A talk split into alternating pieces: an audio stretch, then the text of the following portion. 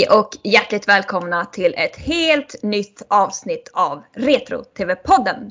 Podcasten för dig som älskar att nörda ner dig i gammal klassisk television. Jag heter Erika. Och jag heter Linnea. Och idag så ska vi prata om ingenting mindre än 1960-tals TV-drama. Ja, framförallt i Sverige ska vi väl Endast i Sverige tror jag. Ja, eh, vi kanske gör en utstickare för att diskutera skillnaderna mellan svensk och amerikansk 60-talsserier. Men ja. eh, det är fokus på Sverige. Det blir absolut fokus på Sverige. Och eh, när jag tänker 60-tals TV-drama så tänker jag direkt på Hemsöborna. Ja, det är väl den stora serien som kommer då. Ja, jag tror faktiskt också att det här är den första svenska eh, TV-serie som gjordes efter en litterär förlaga. Är det så? Ja, man hade gjort korta tv-pjäser innan. Men inte liksom en längre tv-serie baserat på något litterärt verk. Nej, okej. Okay. Man tyckte inte att eh, litteratur och tv liksom, nej det kan väl inte bli bra. Men personligen tycker jag att tvn är perfekt för eh, litteraturen. För att man kan liksom berätta några kapitel åt gången. Så får man leva med de här karaktärerna en vecka och sen så får man möta dem igen och så fortsätter historien. Ja, till skillnad från alltså, eh, biofilmer där man måste klippa bort väldigt mycket ur, ur eh, böckerna.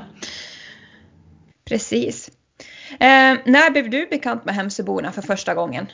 Eh, Hemsöborna, eller Hemsökarna som, eh, som, som den ju heter. Eh, det här då när jag och Erika eh, hade prao på gymnasiet så var vi på en högstadieskola och skulle göra ett quiz för högstadieeleverna om svenska klassiker.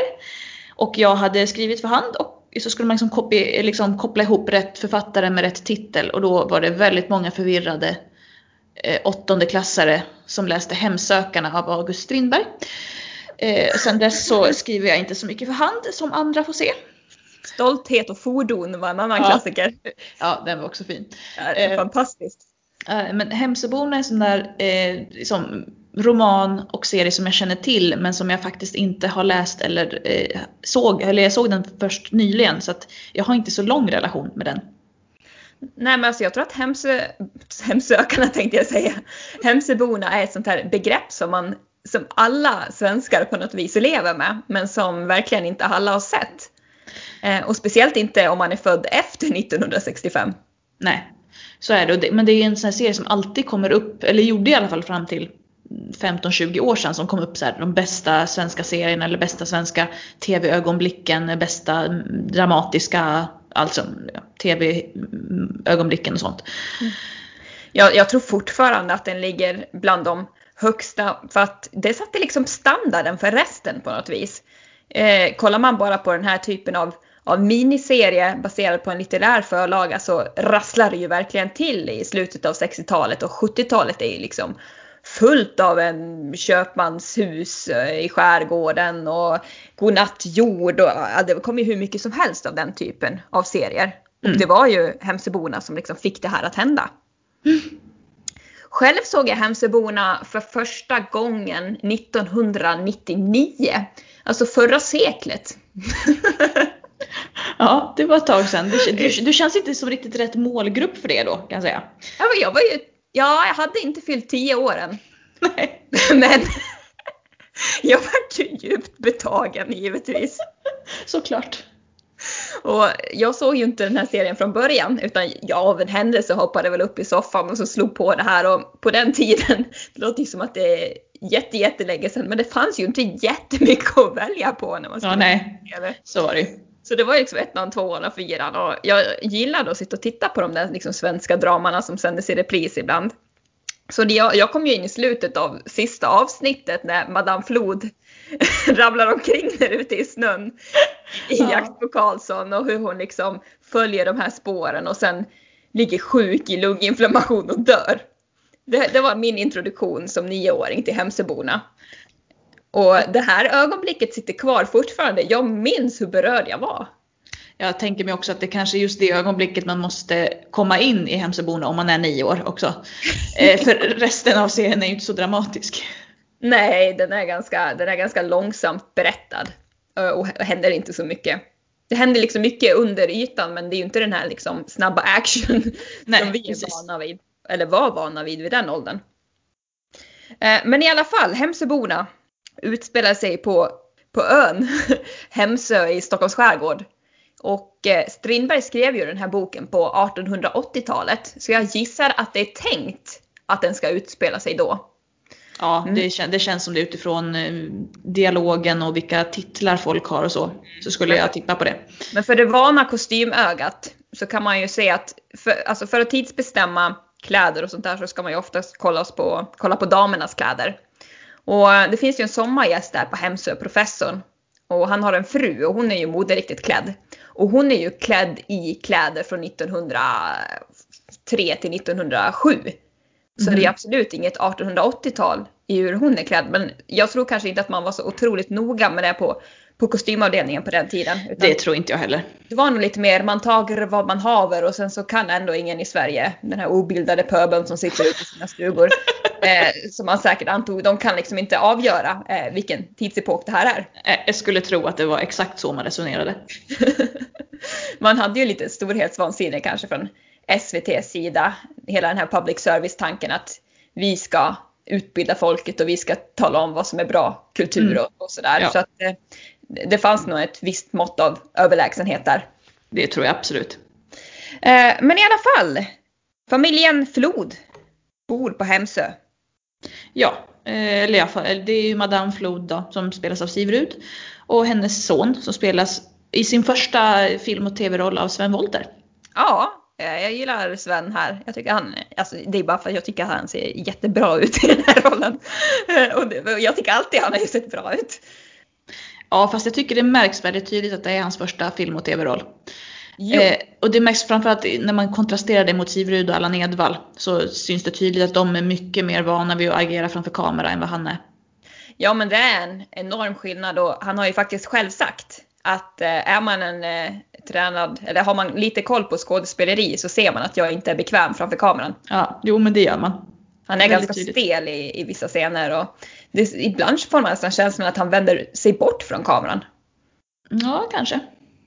Han sa, han har sagt eh, i en intervju att det tog väldigt lång tid för honom att bli bekväm med kameran.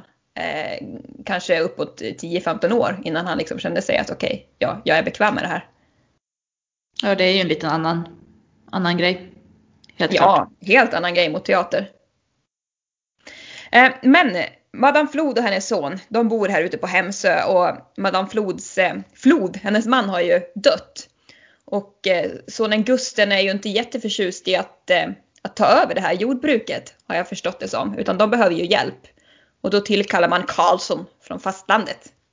Eh, och Karlsson, han, alltså, mitt första intryck av Karlsson är inte sådär jättegott direkt. Vad är ditt? Alltså mitt första intryck är att han är sprätt. Ja. Han ska dondera och han ska visa sig på styvalinan och han är extremt beräknande. Man förstår ju från stund ett att han är ute efter den här gården. Ja, jo men så är det. Det är väldigt tydligt. Just när han kommer in och, och knackar på Madame Flods chiffonier och säger här finns det multum. Det är mm. obehagligt. Men sen det märks också i alla interaktioner med, med, med alla de andra karaktärerna också. För att Madame Flod har ju fler personer som jobbar för henne, fler drängar och så. Eh, och det är ju liksom Karlsson, han är ju väldigt duktig. För han, han ordnar ju upp affären och ju, har liksom ett affärssinne och tjänar ju in massa pengar till Madame Flod. Men han tillåter ju inte att någon annan får visa sig liksom vara på styva lina. Eh, och du och jag, vi, vi satt ju och spekulerade häromdagen vilken dialekt det egentligen är som Karlsson pratar. Han ja, kommer alltså, ju från fastlandet, det är klart, men var på fastlandet kommer ja, han ifrån? Mycket bra fråga. Ett, ett tag så låter han ju så det är ju Allan Edwall som är Karlsson ska vi väl förtydliga. Och ett tag så låter det som att han nästan pratar samma småländska som han gör när han är Anton i Emilie mm. Rönneberga. Och, och ibland så är det är någon konstig blandning av det där. Ja, det är jättemärkligt. Och de gör ju någon referens till Värmland eh, i en scen. Ja. Och, och då funderar jag, han, ska han föreställa värmlänning? Men ja, och det låter det inte alls som. Nej, nej, nej, långt ifrån.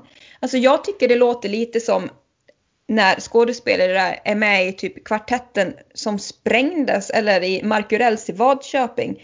När man är i någon sorts fiktiv påhittad stad och man ska blanda någon, eller prata någon sorts bland mellan Sverige-dialekt. Ja, men, ja, lite så är det ju. Eh, vilket är jättekonstigt för det är ju ingen annan som bryr sig om att göra det. Nej. Eh, för att tanken är väl, även om de liksom, för det, det, det är väl det Gusten är mycket emot, här kommer någon från fastlandet som ska liksom styra och ställa över oss. Det, Mm. det nämns väl flera gånger. Men då tycker man ju snarare att den personen från fastlandet skulle försöka prata rikssvenska. Att, att det ska skina igenom att den personen är från landet men att man försöker låta lite finare än vad man är. Mm. För att Ja, de precis. som bor ute på Hemsö pratar ju inte någon slags skärgårdsdialekt. Nej, det gör de ju inte. Och de har ju olika dialekter allihopa, tycker jag. Ja. De har på något sätt sina, sina naturliga röster, får jag Ja, för mig. ja det, det känns ju bara som att det bara är Allan Edwall som förställer sin dialekt. Mm. Exakt. Eh, Alltså jag tycker det är så roligt med den här serien. Det är att den, jag tycker att den känns väldigt eh, autentisk. Det är nästan som att vi är där i, i skärgården och hälsar på i slutet av 1800-talet. Och, och jag tror att det förstärks genom det faktum att den här serien är gjord i svartvitt. Det var ju ett medvetet beslut. Ja, okej, det visste inte jag. Och det var, man resonerade så här att vi vill liksom förstärka bilden av skärgården i slutet av 1800-talet och eh, få folk att liksom tänka på de här skärgårdsbilderna, skär- skärgårdsfotografierna eh, som man mycket har matats med. Och på det viset få det att framstå som någon sorts dokumentär och inte som en dramaserie. Mm. Ja, det, det kan jag i och för sig förstå nu när du säger det. Och sen det faktum att man faktiskt spelar in det på det ställe där den verkliga Madame Flod och hennes son bodde.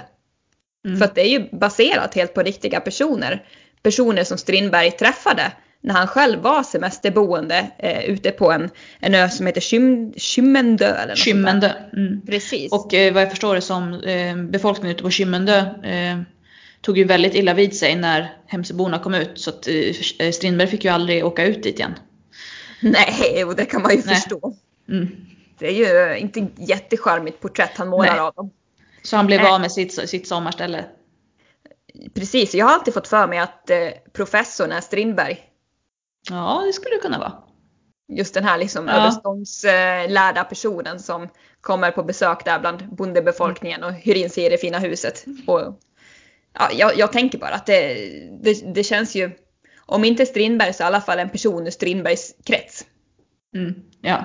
Och på tal om professorn, för det tyckte jag var så tydligt nu när jag, när jag såg serien.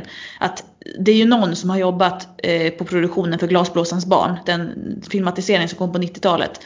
Som eh, krävde, eller bestämde att Tommy Berggren skulle se exakt ut som professorn i Hemsöborna. För att de är så otroligt lika så att det är, liksom, det är nästan ett skämt. Ja, det är enormt, enormt.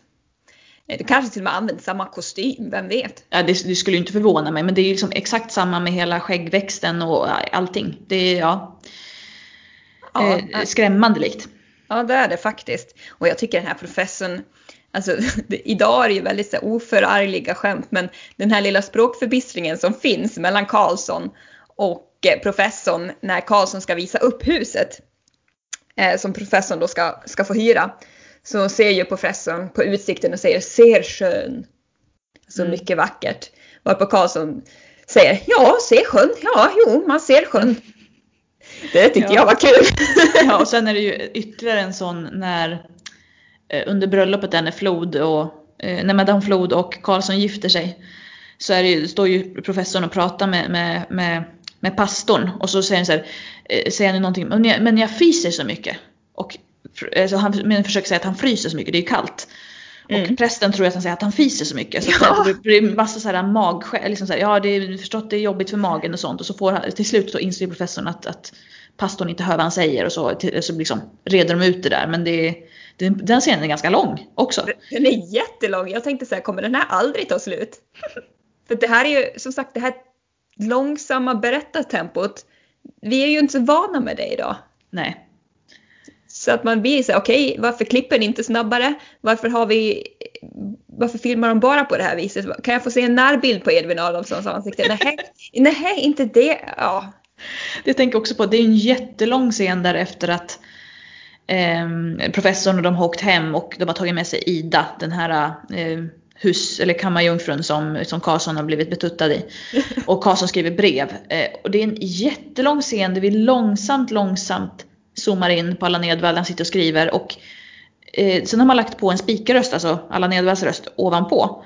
Men den är så lång, jag tänker han måste ha suttit där och liksom, han måste ju veta exakt vad det är han sen ska läsa in.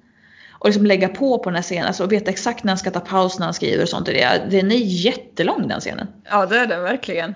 Och på tal om berättarröster, det här är ju också någonting som vi inte, som vi inte ser idag. Att de här eh, olika avsnitten inleds ju med en berättarröst Mm. där man läser olika passager från Strindbergs roman. Men så kommer ju också den här berättarrösten in på vissa ställen. Ibland i väldigt dramatiska scener som till exempel den här scenen jag beskrev i början när Madame Flod följer Karlssons spår i snön när han är Mm. ute och, och rumlar med en av kökspigorna.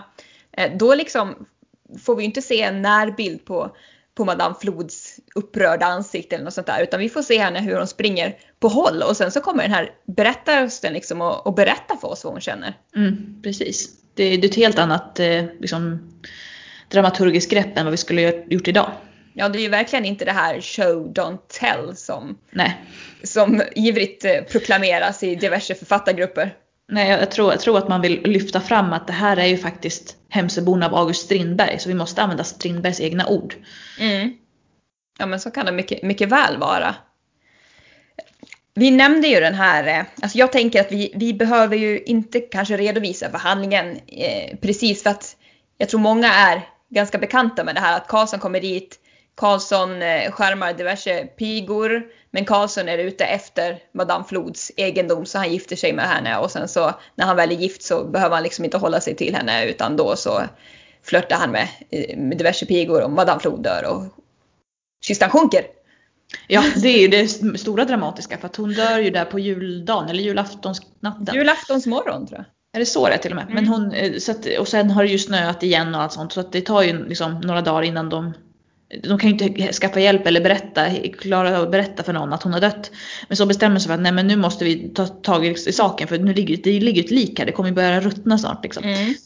Så de packar ner henne i kist och ska dra henne över isen. Och sen kommer de då till den här punkten i, där isen har börjat bryta upp. Ja. Och så ska Det- de skjutsa över, över båten med kistan och, och så... Som, kapsejsar. ja, den kantrar och så pluppar kistan ner i, i sjön. Ja, och båten också tror jag sjunker eller något sånt där. Nej, Jag vet inte tusan. Det, Ja, det, eller, eller sjön, havet är det ju. de, säger, de, de, jag. säger sjön själva eftersom att de är skärgårdsmänniskor. Ja. Ja, ja. Eh, ja men det är väldigt dramatiskt där i slutet och de tvingas fly över, över isen och Gusten han kommer fram till prästgården men Karlsson han blir, han blir kvar och drunknar. Mm. Så slutet, det sista avsnittet är ju dramatiskt. ja, helt klart. Men Vi måste ju prata om professorn. Jag menar prosten. Edvin Adolfsson. Denna fantastiska skådespelare. Ja, han är riktigt bra. Och han kan ju spela allting och jag menar jag är så van att se honom som den här gentlemannatypen i 30 och 40-talsfilmer. Mm. Det är Ja. så märkligt att se honom som den här liksom alkoholiserade buffen till Proust. ja, men jag tycker, tycker det är härligt på något sätt också. Eh, alltså se honom i någonting helt annat. Ja men det är absolut. Ehm, och det visar ju också på hans bredd Mm. som skådespelare. Och Bengt Lagerqvist som regisserade den här eh, TV, det här tv-dramat, eh, för övrigt son till Per Lagerqvist. Eh, det kan man säga bra påbrå. Eh, han sa ju det att han vill ju väldigt gärna ha Edvin Adolfsson med i den här produktionen. Men Edvin han, han var ju svår att jobba med. För han visste vad han kunde och han visste att han hade varit en stor stjärna under lång tid. Mm. Ehm, så det finns ju ett, ett tillfälle då, då prosten är full. Den här prosten är grovt alkoholiserad och eh, superhjärnan när han får tillfälle för det. Eller till det. Så under eh, Madame Flod och Karlssons bröllop så har ju han blivit matad med sprit av Karlsson i stort sett. Och har somnat uppe på vinden eller något sånt där va? Ja, han, alltså, jag fick nästan känslan, för jag hängde inte riktigt med, men jag fick nästan känslan att han hade typ, nästan lagt sig i brudsängen typ. Jo men det hade han och kräkts där också. Ja, japp. riktigt ofräscht. Och så ska de liksom hissa ut honom eh, från fönstret för han kan inte gå själv. Eh, Och innan man gjorde den här scenen så, så hade eh, eh, Adolfsson gått upp till Bengt Lagerqvist och sagt att jaha, mm, ja, hur hade du tänkt dig det här då? Och då hade han förklarat ja, att jo, men jag tänkte att vi skulle, vi skulle göra så här och så här. Och då hade Edvin högt och ljudligt eh, proklamerat att låter dumt, låter jävligt dumt. Ja, det ska jag också börja säga. när, jag, när jag har invändningar mot folks idéer. Låter dumt, låter jävligt dumt. Det tror jag kommer gå hem. Jag, jag, jag tror jag ska satsa på det. Jag ska också börja. Så fort någon på jobbet säger skulle du kunna göra det här? Jag tänkte vi skulle göra så här eller så här kanske. Låter dumt. Låter jävligt dumt. Reaktionerna vore ju intressanta att se alltså. Ja, eh, men på tal om den scenen du pratar om, för att efter att de har liksom firat ut honom genom fönstret så bär de ju ner honom till, till, liksom till vattnet och häver i honom från bryggan rakt ner i vattnet. Ja, och han är ju så full så han är ju avsvimmad. Ja, det, det, det, jag blev så jättestressad av den scenen. Jag tänkte, men de kan ju inte kasta pastorn i vattnet. Alltså, så här, hoppas att han vaknar nu då. För jag var helt liksom, beredd på att han inte skulle vakna och någon skulle behöva hoppa i och fiska upp honom. Ja, han vaknar ju till och sen plötsligt är han ju betydligt piggare. Ja. Eh, det känns inte jätterealistiskt att man ena stunden är liksom redlöst full och nästan ligger och dör i sina egna uppkastningar. För att nästa stund sprattla omkring i vattnet. Nej, så är det ju. Eh, ja, men som, som sagt, Edvin, fantastisk skådespelare, men det är ju också Siv Rud och, och Allan Edwall. Mm. Har, vi har ju eliten av skådespelare här. Ja, och det, det, det märks otroligt tydligt också. Eh, jag tänkte, de har ju eh, liksom scener där innan, innan Madame Flod och Karlsson bestämmer sig för att de ska gifta sig med varandra. Det är efter att, att Ida har åkt hem och Karlsson då ska försöka nästla sig in, eller så här, han ska försöka övertala Madame Flod utan att det ska vara uppenbart att han övertalar henne. Och hon, Mm. hon, kan ju dessutom inte, som, som änka kan ju inte hon heller gå ut och säga att jag vill gifta mig. Utan det, det måste ju liksom på något sätt verka som att det råkade bara bli så. Ja, Och den scenen när de sitter där, typ så här, den är så himla bra spelad. För det, det är liksom så tydligt att, att de går som hatt, katten kring liksom het gröt där på något Mm. sätt. Eh, och och det, det är väldigt, väldigt fint. Man ser de här små, små nyanserna. ja det, verkligen. När du säger det. Det, det sätter liksom, ja, nej, de små nyanserna och, och Siv Ruds minspel och det här hoppet som tänds men samtidigt den här osäkerheten som finns. Hon tycker att hon är, hon är gammal och, och ful och liksom varför skulle Karlsson vilja gifta sig med henne? Men ja, hon försöker ändå och han, ja, nej, det, det, det är så bra gjort. Det är en Mm. väldigt fin scen. Fast den är obehaglig också för man vet ju att Karlsson liksom bara räknar med det där. Och Mm. lurar Madame Flod mer eller mindre. Han får ju henne också att eh, vid ett tillfälle ändra sitt testamente Mm. och testamentera allt till honom. Och hon har ju sagt tidigare att hon är ju väldigt dålig på att läsa. Karlsson läser ju Bibeln för henne som en, som en pastor. Ja. Och det imponerar ju på henne och han utnyttjar ju hennes dåliga läskunnighet med att faktiskt se till att hon skriver under ett testamente där Gusten förlorar sin del och att hon istället ger den till Karlsson. Mm. Men Eh. eh, Madame Flod får ju sen Gusten att slänga det där på elden när hon Ja. ligger sjuk i Och det är det jag tycker är så, så snyggt att hon liksom eh, drar på sig den här lunginflammationen när hon är ute och jagar efter Karlsson och kommer hem och att hon är fortfarande vis, liksom, så pass medvetande att hon ber Gusten liksom, ta fram de här papperna och slänga dem på elden Mm. också. Eh, och jag tror, det framkommer väl aldrig för Karlsson att det här har hänt heller. Utan, Nej. liksom, ef- efter att, att, att hon har dött så går ju Gusten mot den här eh, schäslongen eller vad man ska säga, där, där hon hade papperna. Ja, chiffonjen och så eh, liksom, Karlsson slänger sig på det. Det här, här n- rör du inte. För att han tror väl fortfarande att, att testamentet ligger i chiffonjen. Ja, det, är fakt- alltså det vill säga att han är liksom husbonden på, Ja. på Hemsö. Något som jag, alltså jag tycker själva den här lunginflammationsscenen är, är väldigt stark. Men jag tycker att sjukdomen slår till väldigt, väldigt snabbt. Det var precis det jag tänkte säga. Hon liksom går från att springa ute i snön till att dö. Det är liksom inte så att hon sprungit ute i snön och så någon dag senare så börjar hon hosta och sen utvecklar hon feber. Utan det är så här direkt hon kommer hem då är hon typ liksom ligger där på dödens liksom Rand. Ja, och, äh, det- alltså, ja, det är så osannolikt. Men hon, hon gör det väldigt bra Sivrud. Men det känns som att oj, jaha. Ja, det är Eh, jättekonstigt. Jag menar hon har liksom hunnit vara ute och springa och dö i stort sett innan Karlsson ens har hunnit komma Ja, hem. precis. Och, och, då, så här, ja, och då är det så här, hur, hur länge var han borta? Ja, precis. Ja, det där det reagerade jag ganska starkt på. Inte som liten, men nu när jag har sett det i, i efterhand. Men på tal om skådespelarinsatser så blev jag blev väldigt glad när jag såg Håkan Särner. Ah, Han för mig är ju framförallt vätten i Trolltider. Eh, Så det var roligt att se honom i, i en annan roll. ja, jo men det, det, det förstår jag. Jag har ju ingen relation alls till den skådespelaren med tanke på att jag inte är något jättestort fan av, av Trolltider. Nej, och han är väl dessutom med i, eh, nu får du rätta mig om jag har fel, men jag för mig att han är med i Mannen på taket också. Eh, jo, Men det, det jag tycker är så, så fint också, det är hela den här rivaliteten mellan Norman, som hans karaktär heter, och Karlsson. För de är Mm. ute efter samma pigor. Eller framförallt Ida då. Eh, Men det är ju en scen där, där Norman har börjat uppvakta Ida och spelar eh, dragspel. Och där ser ju Karlsson från sin vinds eh, liksom, våning. Och så springer han ner och så liksom tar han över hela, hela det här liksom mm, frieriet höll jag på att säga, men hela den här liksom uppvaktningen har du sett. Och det är så, det är så snyggt spelat för man, liksom, man ser hur irriterad Norman blir men han kan inte göra någonting och det här kulminerar ju sen i det här slagsmålet på, på midsommarafton.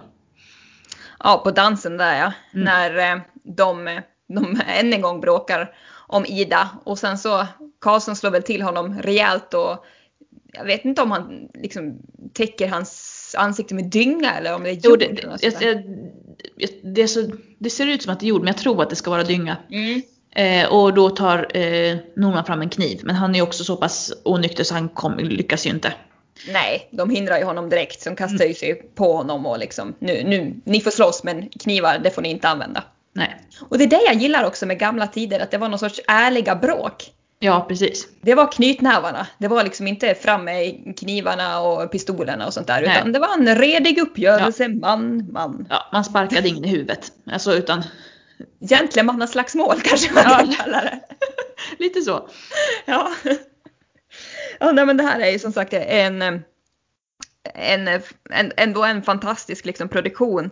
Oavsett om den känns lite långsam och omodern i, i våra ögon. Och Mm. som sagt den gick ju i bräschen för en, en helt ny typ av svensk tv-dramatik. Ja.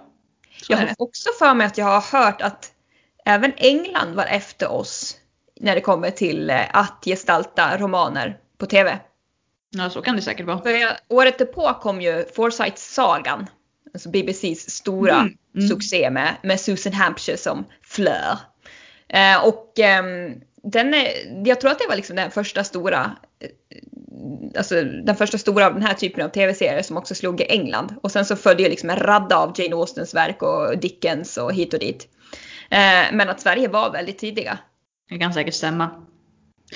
Jag tänker just om man ser skillnaden då mellan vad vi gjorde i Sverige och vad som skedde i USA på samma tid. För i USA då gör man eh, på 60-talet gör man Bewitched, man gör Star Trek, man gör Batman, The TV Series, man gör I Dream of Jeannie. Alltså det är mycket bara så här fantasifulla, färgstarka, eh, liksom komiska eh, serier framförallt. Så det är en väldig kontrast till det här mer eh, tunga, litterära, nu ska vi gräva ner i våran liksom, kanon här. Som Ja. vi har i Sverige. Och jag, jag är fullt övertygad om att det har med public service uppdrag att göra. USA det var mer vi ska tjäna pengar, vi är kommersiella kanaler. Men i Sverige var det ju ändå liksom att vi ska utbilda vår befolkning och vi ska liksom höja moralen och bildningen och, och sådär. Att det har med, med valet av tv-serier och ja, att göra helt enkelt. Mm, absolut. Och sen som sagt att man var så otroligt BBC-inspirerade som man var. Eh, I övriga delen kanske det var väldigt mycket USA man såg upp till men när det kommer till TV och radio så, så var ju Storbritannien det stora föredömet. Eh, en annan stor 60-talsserie det är ju Markurells i Vadköping. Ja, också den med Edvin. Ja, tänka sig. Ja, ingen är gladare än jag. Jag är ett stort, stort Edvin-fan. Jag gillar honom verkligen. Ja, han är väldigt, väldigt duktig.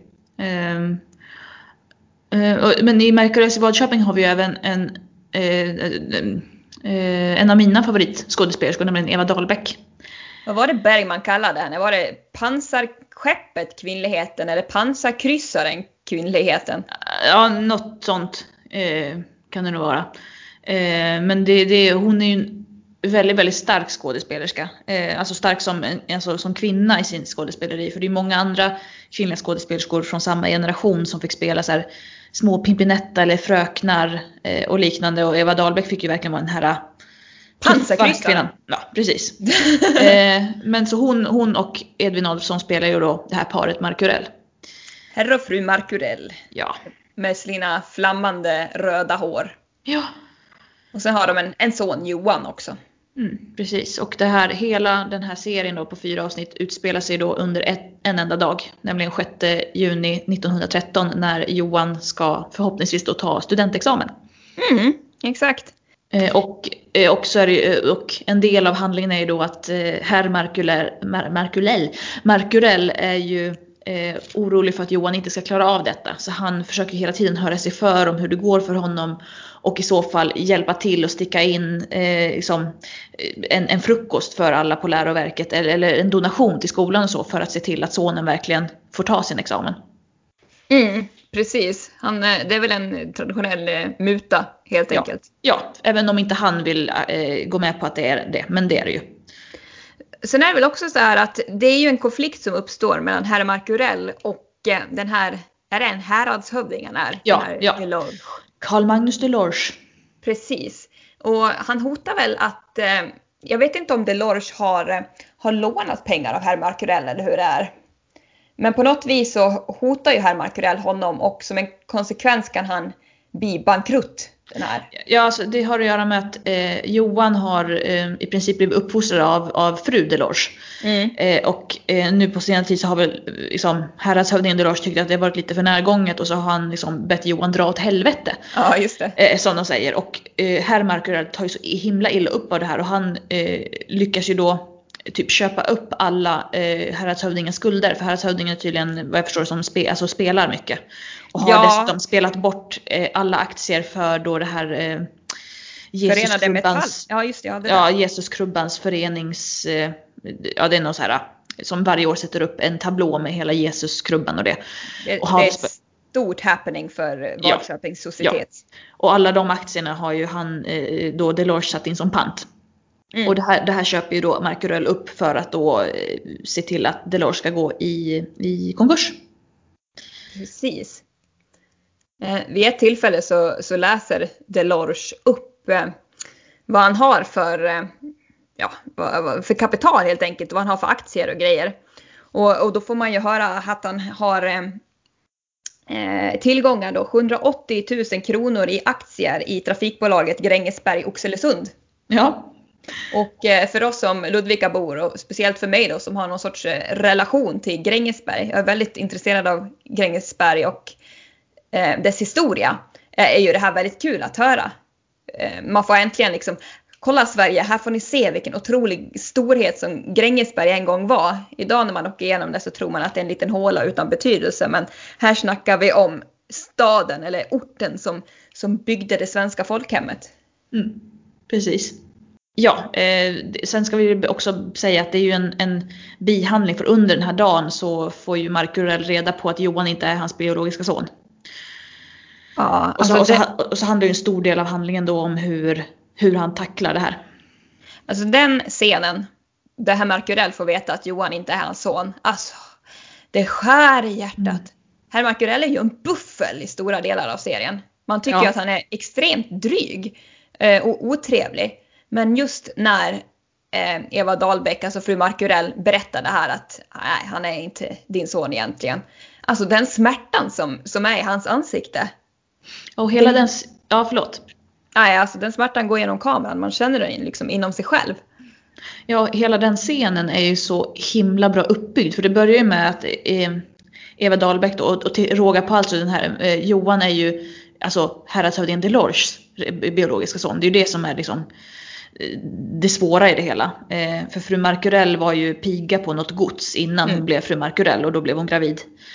Eh, men hon, eh, som Eva Dahlbeck då, som pratar med en också så här, väldigt konstig dialekt. blandning ja. av alla möjliga lands, liksom, lantliga dialekter som finns tror jag. Hon, för hon och Markurell har ju ingen bra relation. Han behandlar ju henne som en piga ungefär. Och mm. hela den scenen då, för att han är ju osäker på, han har hört det här ryktet om att Johan är Delors son. Eh, så först vill hon ju inte medge det. Och så försöker hon börja prata om någonting annat. Och så, och så, det, tar ju väldigt lång tid innan hon erkänner det här. Och det är ett jättefint så här, maktspel dem emellan vem det är som har överhanden just för tillfället och var, liksom, vart det ska sluta. Och så kommer vi till den här brytpunkten då där eh, Markurell skriker att säg att det inte är så. Och så lyfter ja. han upp ett stort kassaskåp och ser ut som han ska slänga det i huvudet på fru Markurell. Ja, det, ja, det ger rysningar bara jag tänker på det. Ja, det där är skådespeleri på hög nivå. Eh, så det är ju för väl att man har engagerat två av Sveriges bästa skådespelare. Mm. Ja, för det, det, är också så intressant för att när han står och man, man ser verkligen på honom att antingen kommer han bryta ihop eller så kommer han kasta det här skåpet mm, på mm. henne. Och hon, liksom viker inte en tum. Hon står Nej. helt blickstilla för att liksom, fru Markurell vet liksom vart hon står någonstans. Det är väldigt, väldigt starkt. Det är väl lite så här Strindbergs fadern över det hela här också. Mm. Det känns Precis. lite, lite likadant på något vis. Ehm, ja, jag ska, på tal om fru Markurell. Hon bär ju en fantastisk outfit i en av scenerna. Ja. När hon hälsar på grevinnan Delorge. Ja. Eh, hon har ju liksom en aprikosfärgad dräkt. En rävboa och sen liksom aprikosfärgad hatt med massa blommor och fjädrar och grejer.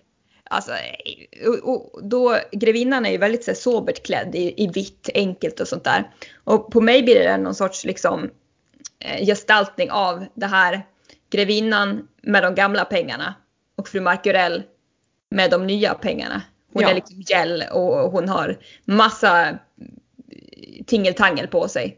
Eh, och den här gamla grevinnan då, eller hon är inte gammal men hon har gamla pengar. Hon är, hon är, hon är väldigt sober i, i sitt sätt att uttrycka sig.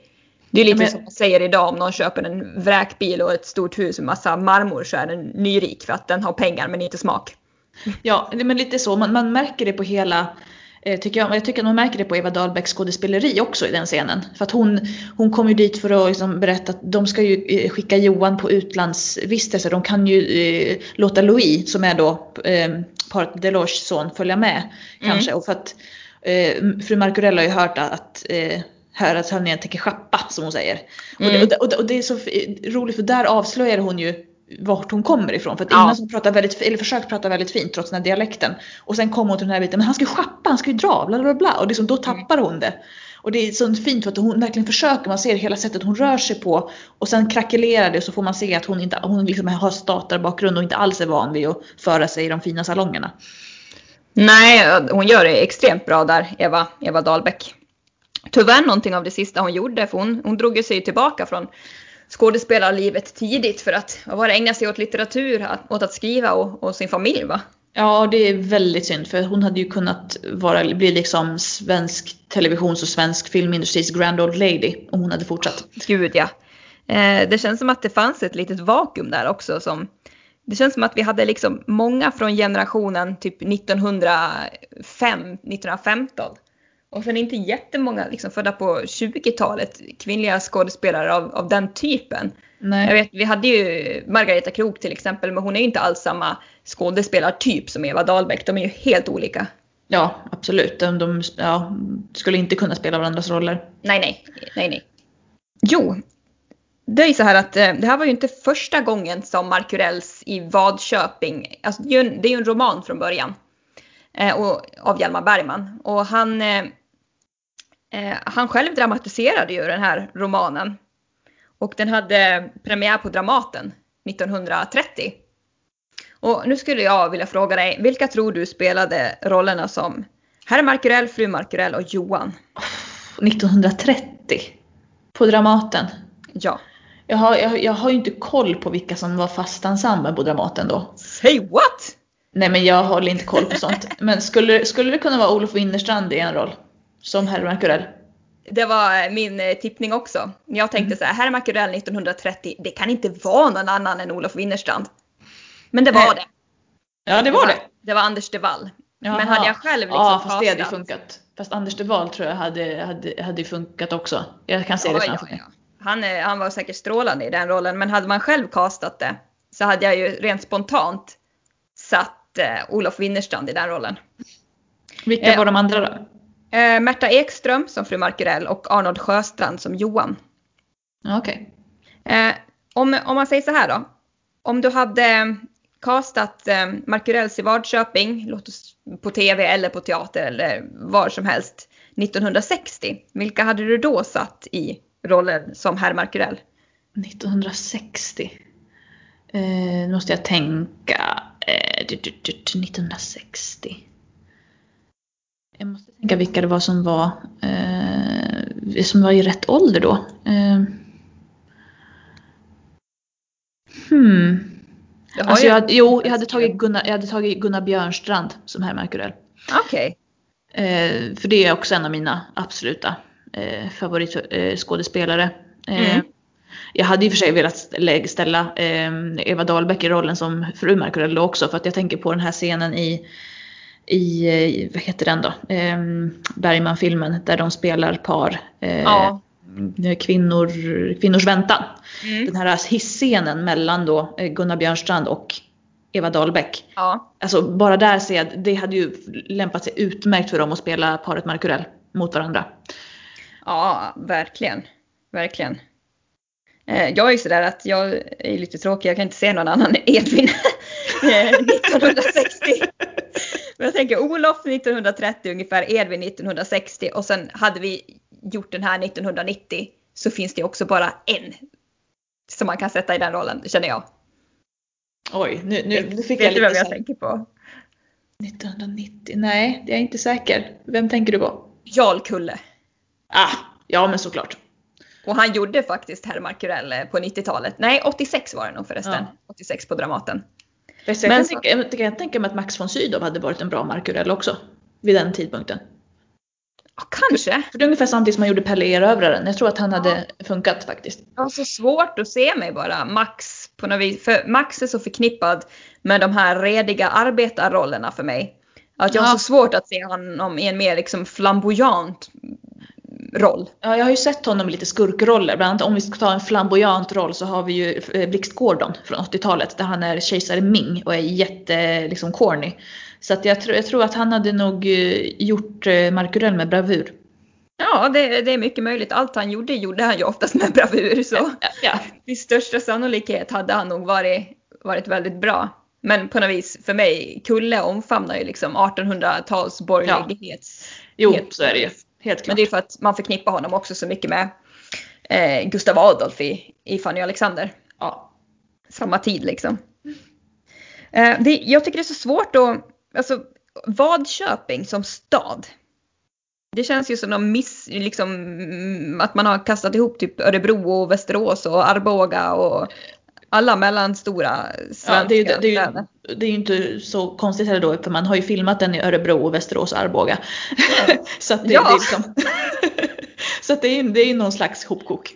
Är det ju. Ja. Ja, det, man har ju det här eh, medeltida slottet som berättaren läser upp i början och, och det ska vara en, eh, större läroanstalt och eh, domkyrka ska det väl också finnas i, i den här staden. ja, kan stämma.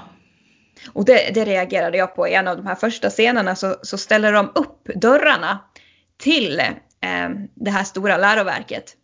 Och det här är ju 30-talsdörrar. Mhm. Ja, ja. Där, ja, det tyckte jag var synd. Annars tycker jag att man har liksom lyckats ganska bra med kostym och interiör. Hela liksom Vadköping känns ju som någon sorts blandning av en renässansmålning av eh, Bruegel eh, versus Soda Shop på Jersey Beach 1880 liksom.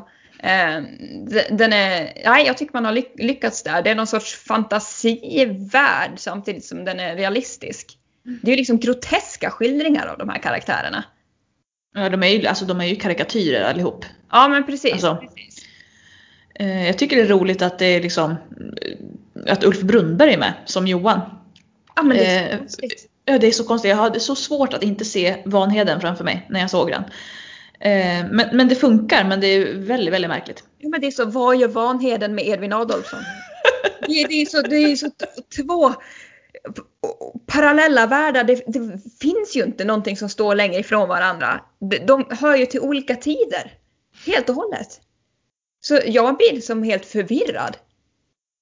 Men han är ju jätteung, Ulf Brunnberg här, men nej, jag får inte ihop det liksom. Edvin han ska ju vara med sina polare på 30-talet och, och Ulf Brunnberg ska vara med sina polare på 80-talet. Vad är det här? Vet, ibland så korsar ju liksom så här, krockar ju generationerna med varandra, vet du, de överlappar lite. Ja men de gör ju det, men det blir jättekonstigt för de hör hemma i så olika tider.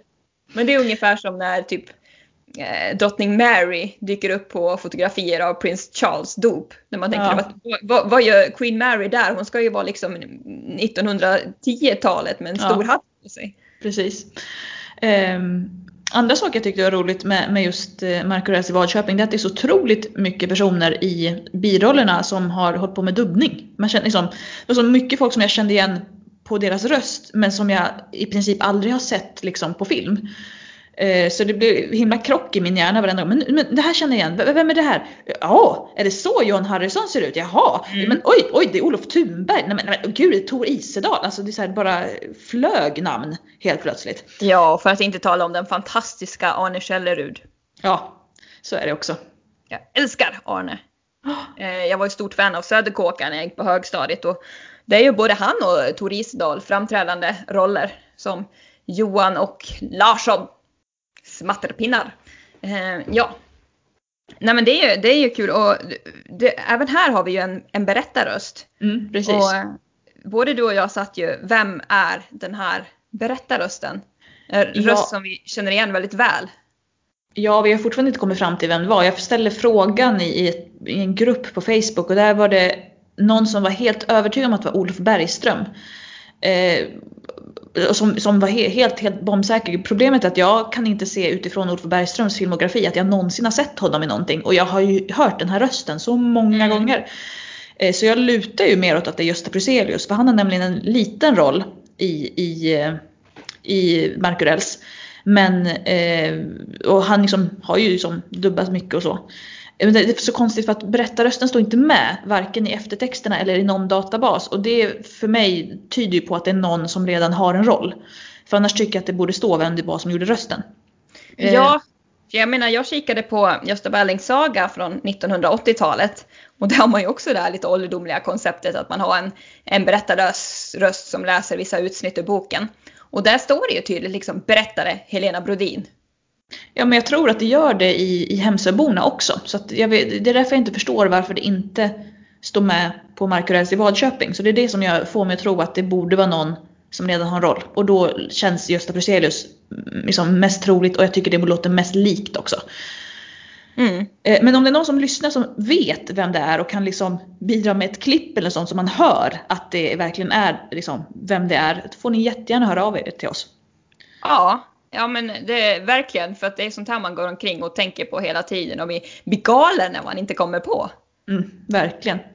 Vi hoppas att vi får, att vi får svar på det. Det finns säkert någon eh, välbildad person där ute som kan hjälpa oss med det. Ja, det var Hemsöborna och Markurells i, i Vadköping det. Två av de Ja. största svenska tv-klassikerna någonsin. Ja, båda med Edvin Adolfsson.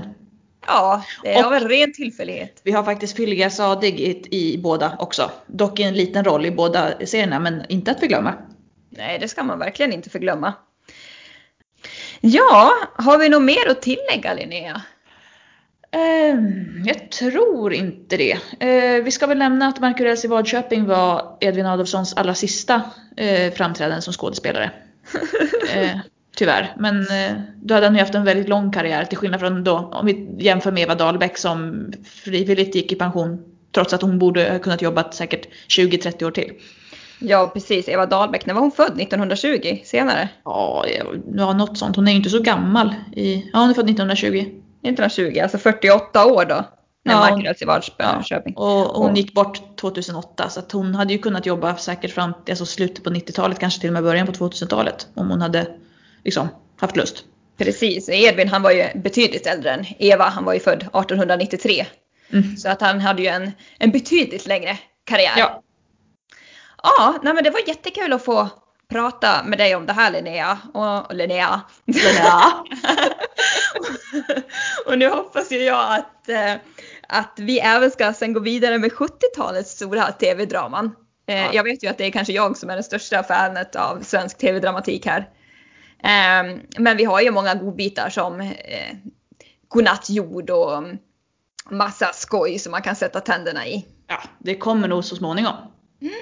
Bra, men eh, då, eh, då ska vi väl ta avsluta dagens podd. Ja, det tycker jag. Och eh, för alla er som lyssnar kanske för första gången så har vi en Facebook-sida och vi har en Instagram. Och det är bara att gå in och kommentera eller ge förslag på nya avsnitt som ni vill att vi ska prata om. Ja, vi blir superglada när vi får kommentarer. Det gör oss verkligen varma inombords. Men på återhörande. Ja, hej då!